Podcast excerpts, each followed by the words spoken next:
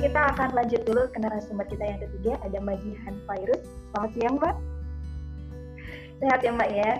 Nah, uh, mungkin kita akan bacakan dulu nih CV beliau. Mbak Jihan Virus ini merupakan koordinator dari Pos Indonesia. Ya, beliau ini sangat uh, passion sekali tentang juga isu dari anak muda, kemudian juga lintas agama, gender, dan seksualitas. Dan bersama dengan beberapa komunitas uh, public figure, agama juga beliau ini menulis sebuah buku tentang seksualitas di dalam perspektif Islam dan beliau ini sudah fokus tentang isu ini sejak tahun 2013. Wah, jadi memang sudah cukup lama ya.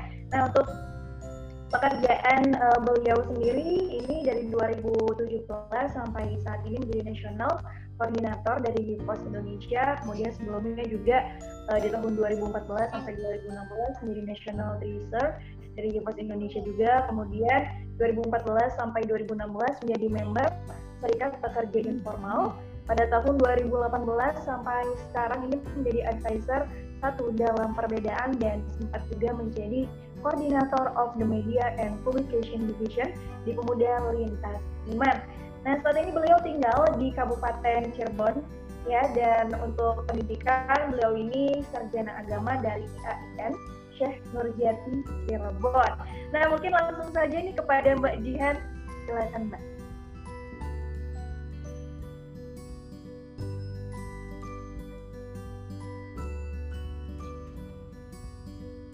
Halo teman-teman, selamat siang.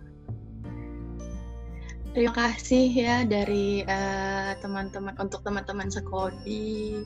Terus saya juga pengen menyapa uh, the one and only yang selalu menemani saya pada waktu di New Zealand. Ada Kang Fani. Hey, hey, hey, hey. Halo Bapak. Coba jangan jangan diungkap. Coba ya bagaimana kita bisa tukar-tukaran uh, obat jahe apa? Astaga ya ampun. Sama pop tukar-tukar.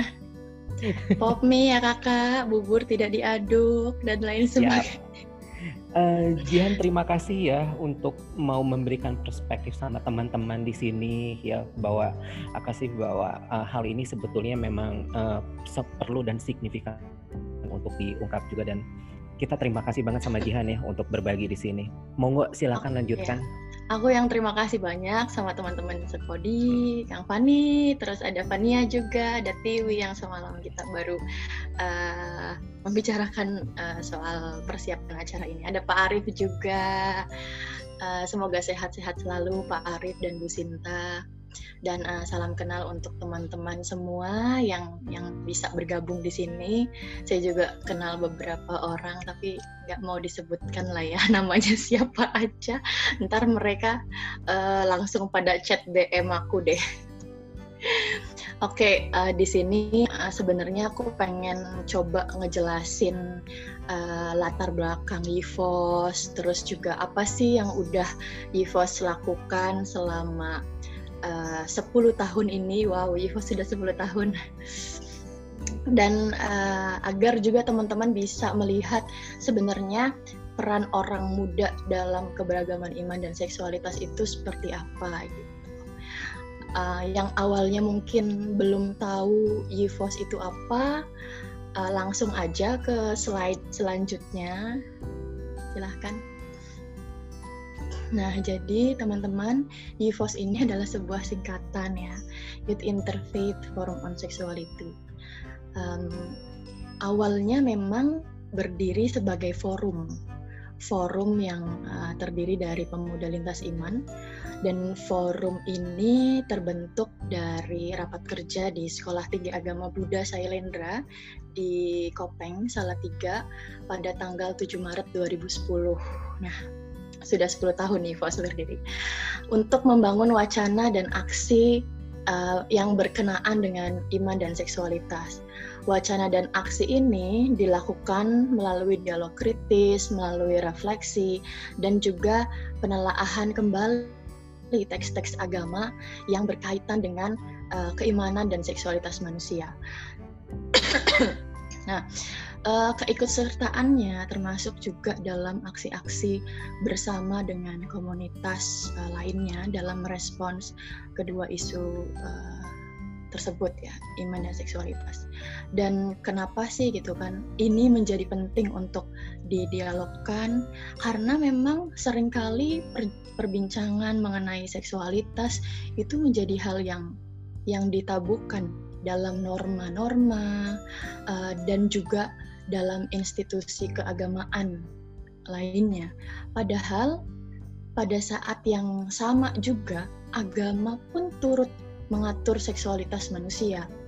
Kemudian implikasi yang uh, sering terjadi adalah agama itu menjadi sarana untuk melegitimasi mana seksualitas yang benar dan mana seksualitas yang salah dalam tanda kutip ya dengan mengacu pada kitab suci yang juga merupakan sebetulnya kitab suci itu adalah interpretasi manusia juga terhadap firman Tuhan gitu. Nah, di sisi lain perbincangan tentang uh, seksualitas itu sekarang udah nggak lagi sekedar mengenai seks biologis dan juga uh, soal perilaku seksual, namun perbincangan soal uh, seksualitas itu sudah berkembang secara signifikan dan menjadi bagian yang tidak terpisahkan dari uh, kemanusiaan, yakni sebagai orientasi seksual bahkan sebagai identitas ya. Nah ini sih yang kemudian membuat YIVOS lahir dan terbentuk sebagai forum untuk membangun pemahaman bersama bahwa iman dan seksualitas itu merupakan uh, bagian dari kemanusiaan yang dia juga memiliki wujud aktualisasi yang beragam dan untuk itu kita nggak bisa serta merta mengkotak-kotakkan dalam kategori yang yang sudah ada. Konkretnya um, ke enam agama yang yang sudah di, yang telah diakui itu belum tentu dapat mengakomodir keberagaman iman uh, yang ada, termasuk juga norma-norma seksual yang berlaku saat ini pun belum tentu dapat mengakomodir keberagaman seksualitas yang ada ya.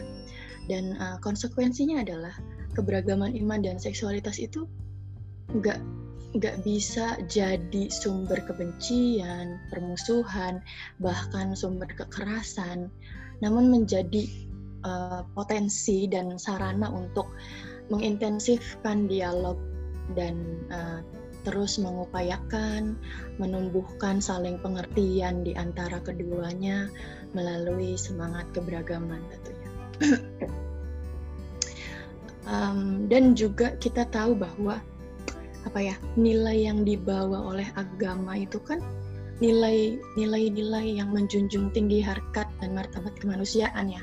Tetapi di lain sisi kita tahu bahwa agama itu sering sekali menjadi menjadi landasan uh, diskriminasi, landasan persekusi, kekerasan terhadap uh, teman-teman uh, dengan ragam uh, orientasi dan identitas gender lainnya kayak gitu di Indonesia.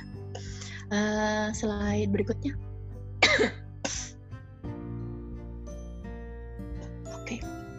Nah, YIVOS dibangun dengan visi untuk membangun wacana dan aksi terkait keberagaman seksualitas dan iman sebagai bagian dari kemanusiaan antar pemuda pegiat lintas iman yang kemudian diejawantahkan dalam beberapa misi yakni um, yang pertama membangun komunikasi antar pemuda pegiat lintas iman terkait wacana seksualitas dan agama dan yang kedua membangun kerjasama dengan pemuka agama yang peduli terhadap isu terkait seksualitas dan agama yang ketiga, melakukan pengkajian terkait wacana seksualitas agama. Selanjutnya, melakukan advokasi terkait dengan permasalahan seksualitas dan agama yang terjadi. Yang terakhir, membangun jaringan dengan organisasi dan komunitas berbasis keyakinan atau agama serta organisasi dan komunitas yang peduli pada uh, kedua isu tersebut. Nah, uh, Yivo sendiri pada pada awal berdirinya forum ya sampai tahun 2016 dan kemudian uh, pada bulan September 2016 YIVOS uh, mendeklarasikan dirinya sebagai organisasi sampai pada uh, saat ini. Dan uh, tentu saja latar belakang yang yang yang uh, yang sudah tadi dijelaskan itu tidak terlepas dari keragaman keragaman yang ada pada uh, pendiri-pendirinya pada waktu itu dan dan uh, apa ya kegelisahan yang yang memang terjadi uh, di antara pendiri-pendirinya tentang agama dan seksualitas gitu. Nah, sekarang aku pengen coba ngejelasin tentang um, kerja-kerja Yifos selama selama 10 tahun ini. Uh, next slide. Nah, jadi Yifos itu um, dari awal kan memang dia forum ya. Jadi yang sering dilakukan itu adalah yang pertama ada uh, dialog dialog antar iman tentang uh, dialog antar iman uh, anak muda lintas agama dan membahas um, seksualitas dan agama gitu. Nah, forum-forum um, ini sering kali dilakukan di kampus-kampus. Jadi di FOS memang biasa roadshow gitu ke ke kampus-kampus, ke kota-kota lain karena memang dari pengurus-pengurus yang terdahulunya juga um, mereka dari berbagai wilayah ya. Ada yang dari Bandung ada yang dari Jakarta ada yang dari Yogyakarta ada yang dari Pati. Nah itu banyak tersebar. Jadi um, mereka kalau misalkan ketemu satu bulan sekali roadshow ke ke beberapa wilayah yang disepakati untuk mendialogkan uh, agama dan seksualitas. Lalu yang kedua, IVOS juga sering melibatkan tokoh agama yang punya perspektif progresif yang ramah terhadap keberagaman gender dan uh, seksualitas. Dan kemudian pada tahun 2018 uh, YIVOS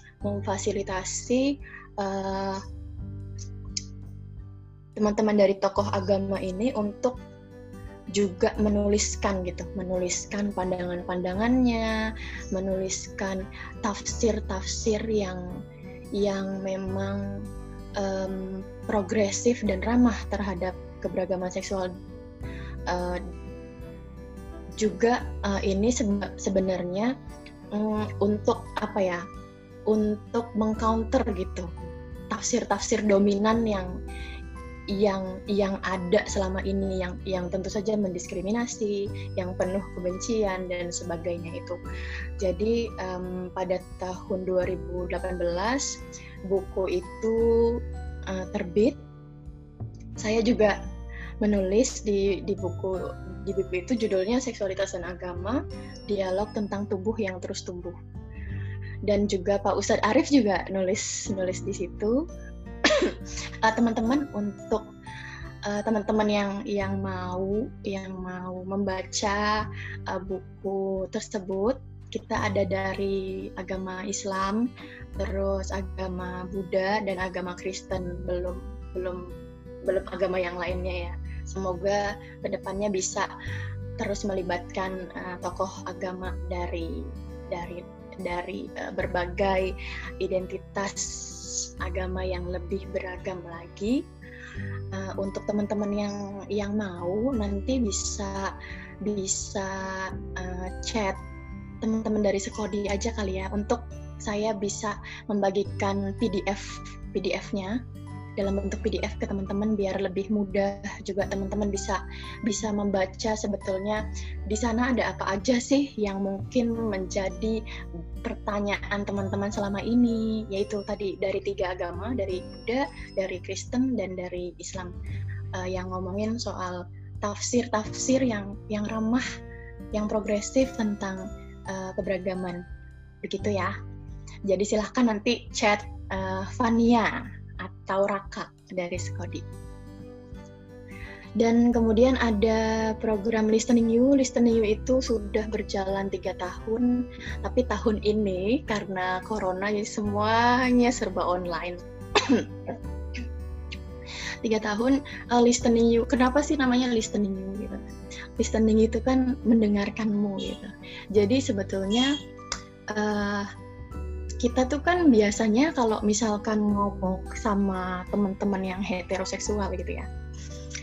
Biasanya nih ya, kalau misalkan kita ngomong sama teman-teman yang heteroseksual, itu tuh maksudnya kita tuh adalah uh, non heteroseksual nih berarti ya misalnya kelompok LGBT lah dia pengen ngomong tentang pengalamannya dia ke teman-teman heteroseksual biasanya itu langsung di blok gitu langsung di cut langsung langsung nggak nggak boleh ngomong apa-apa lagi pokoknya gue yang paling benar gitu lah ya. Nah jadi listening you ini mencoba menghadirkan untuk uh, narasumbernya dari teman-teman LGBT dia ngomong tentang uh, pengalaman dia.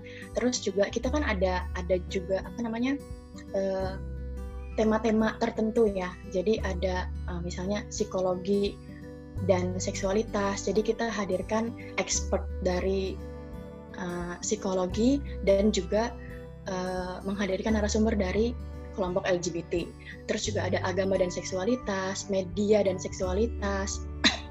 Terus hak asasi manusia dalam memandang LGBT kayak gitu. Nah, uh, jadi ya udah aja di di di forum tersebut yang ngomong narasumbernya. Dan si peserta ini dia nggak boleh nggak boleh bertanya malah nggak boleh bertanya. Cuman yang mendengar aja karena karena kadang kadang-kadang kita but kita perlu untuk mendengarkan tanpa mempertanyakan itu gitu. Dan tanpa memberi batasan tanpa udahlah stop gitu. Tanpa tanpa begitu ya. Dan uh, listening you ini EVOS juga punya modulnya punya modul listening you listening you yang bisa uh, di apa ya diaplikasikan ke daerah teman-teman yang yang tentu saja kalau misalkan berminat untuk ngomongin tema-tema yang ada di modul listening you bisa menghubungi saya. Uh, saya juga bisa dengan senang hati mengirimkan PDF-nya untuk teman-teman bisa melakukan uh, kegiatan listening you ini. Kita ada modulnya, ada juga sudah uh, menulis soal apa namanya uh, materi-materinya ya begitu di listening you. Dan kemudian ada digital storytelling sorry aku lagi masih batuk. Uh, digital storytelling ini kita mencoba untuk mengumpulkan cerita-cerita dari teman-teman uh, eh, LGBT dan juga teman-teman uh, minoritas iman mengumpulkan uh, cerita-ceritanya dan kemudian dibikin video singkat gitu dan dan diupload di uh, media sosial di YouTube channel EVOS. Dan kemudian yang kelima ada bebas bicara talk atau baby talk. Teman-teman bisa subscribe uh, baby talk ini. Jadi baby talk ini kita memang hmm, tujuannya pengen pengen menghari terus pemahaman tentang uh, sebenarnya bukan bukan tentang keberagaman iman dan seksualitas aja kemudian tapi tentang berbagai hal yang memang itu uh, yang positif gitu ya yang untuk keberagaman yang uh, untuk juga sempat mengundang Luna Maya dan uh, dan Nilananta, Jovi Adiguna untuk ngomongin soal pengalaman bisa bisa ngeliat di YouTube channel Baby Talk. Uh, yang selanjutnya ada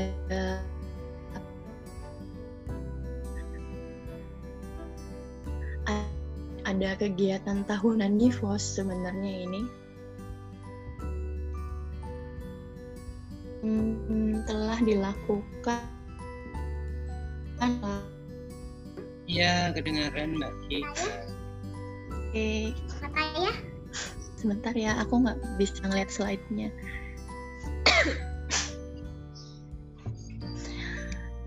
nah, uh, queer camp ini lebih ke penerimaan diri sebetulnya ya.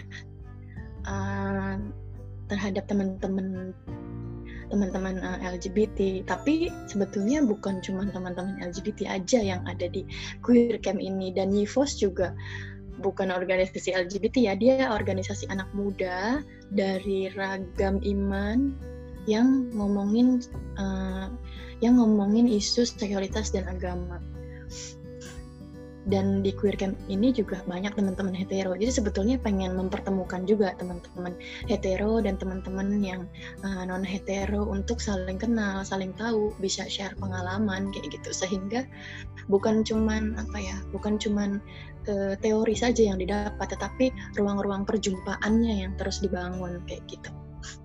Nah kemudian uh, selanjutnya bercocok tanam bercocok tanam di masa pandemi. Sebetulnya program ini tuh uh, dimulai tahun ini saat corona berlangsung ya uh, dari bulan Juni sampai nanti bulan November.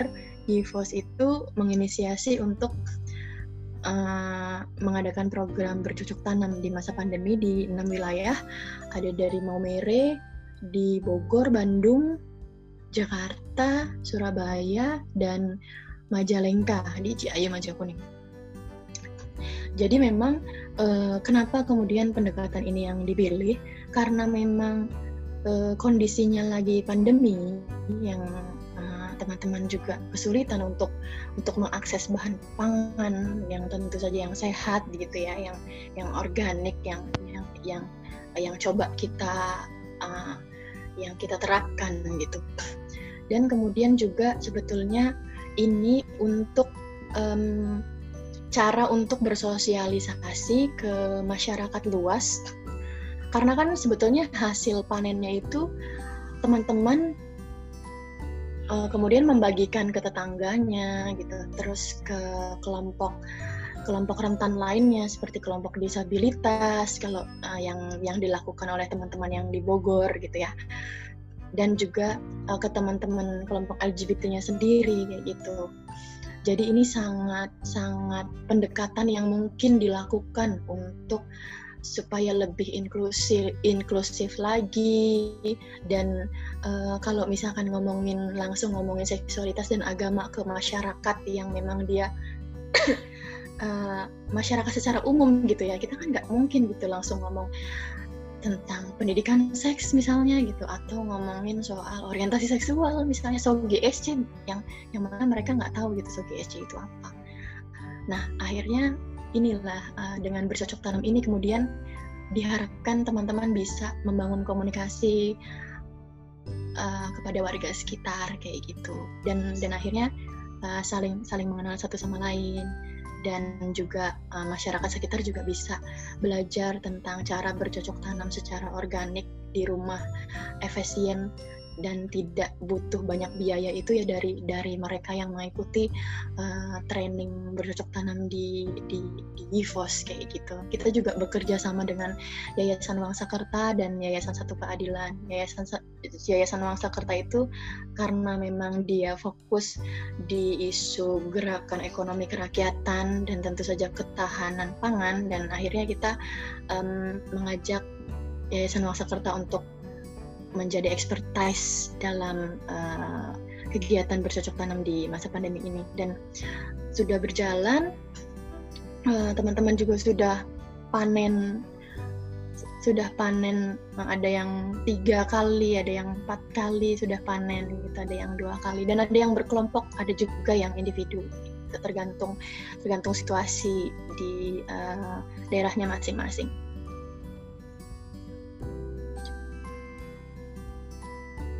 Lanjut. Oh ini foto-fotonya sih. Um, ini yang di sebelah kiri. Um, queer camp di Medan waktu tahun kemarin. Dan ini queer camp 6 juga di Mojokerto. Jadi kita ada dua queer camp dan uh, berbarengan di waktu yang berbarengan mengadakan di Medan dan di Mojokerto tahun ini eh tahun kemarin. Tahun ini tahun ini karena pandemi jadi nggak tahu mau dilakukan atau enggak oh, lanjut. Ini waktu listeningnya di Cirebon sih. Ini di Cirebon semua ini. Lanjut ini ini syuting baby talk ini ada Pak Muiz juga terus yang di samping kiri ada Mbak Zoya Amirin dan khususnya Dina Rahman itu yang pakai kebaya itu uh, pengurus Yivos namanya Arimbi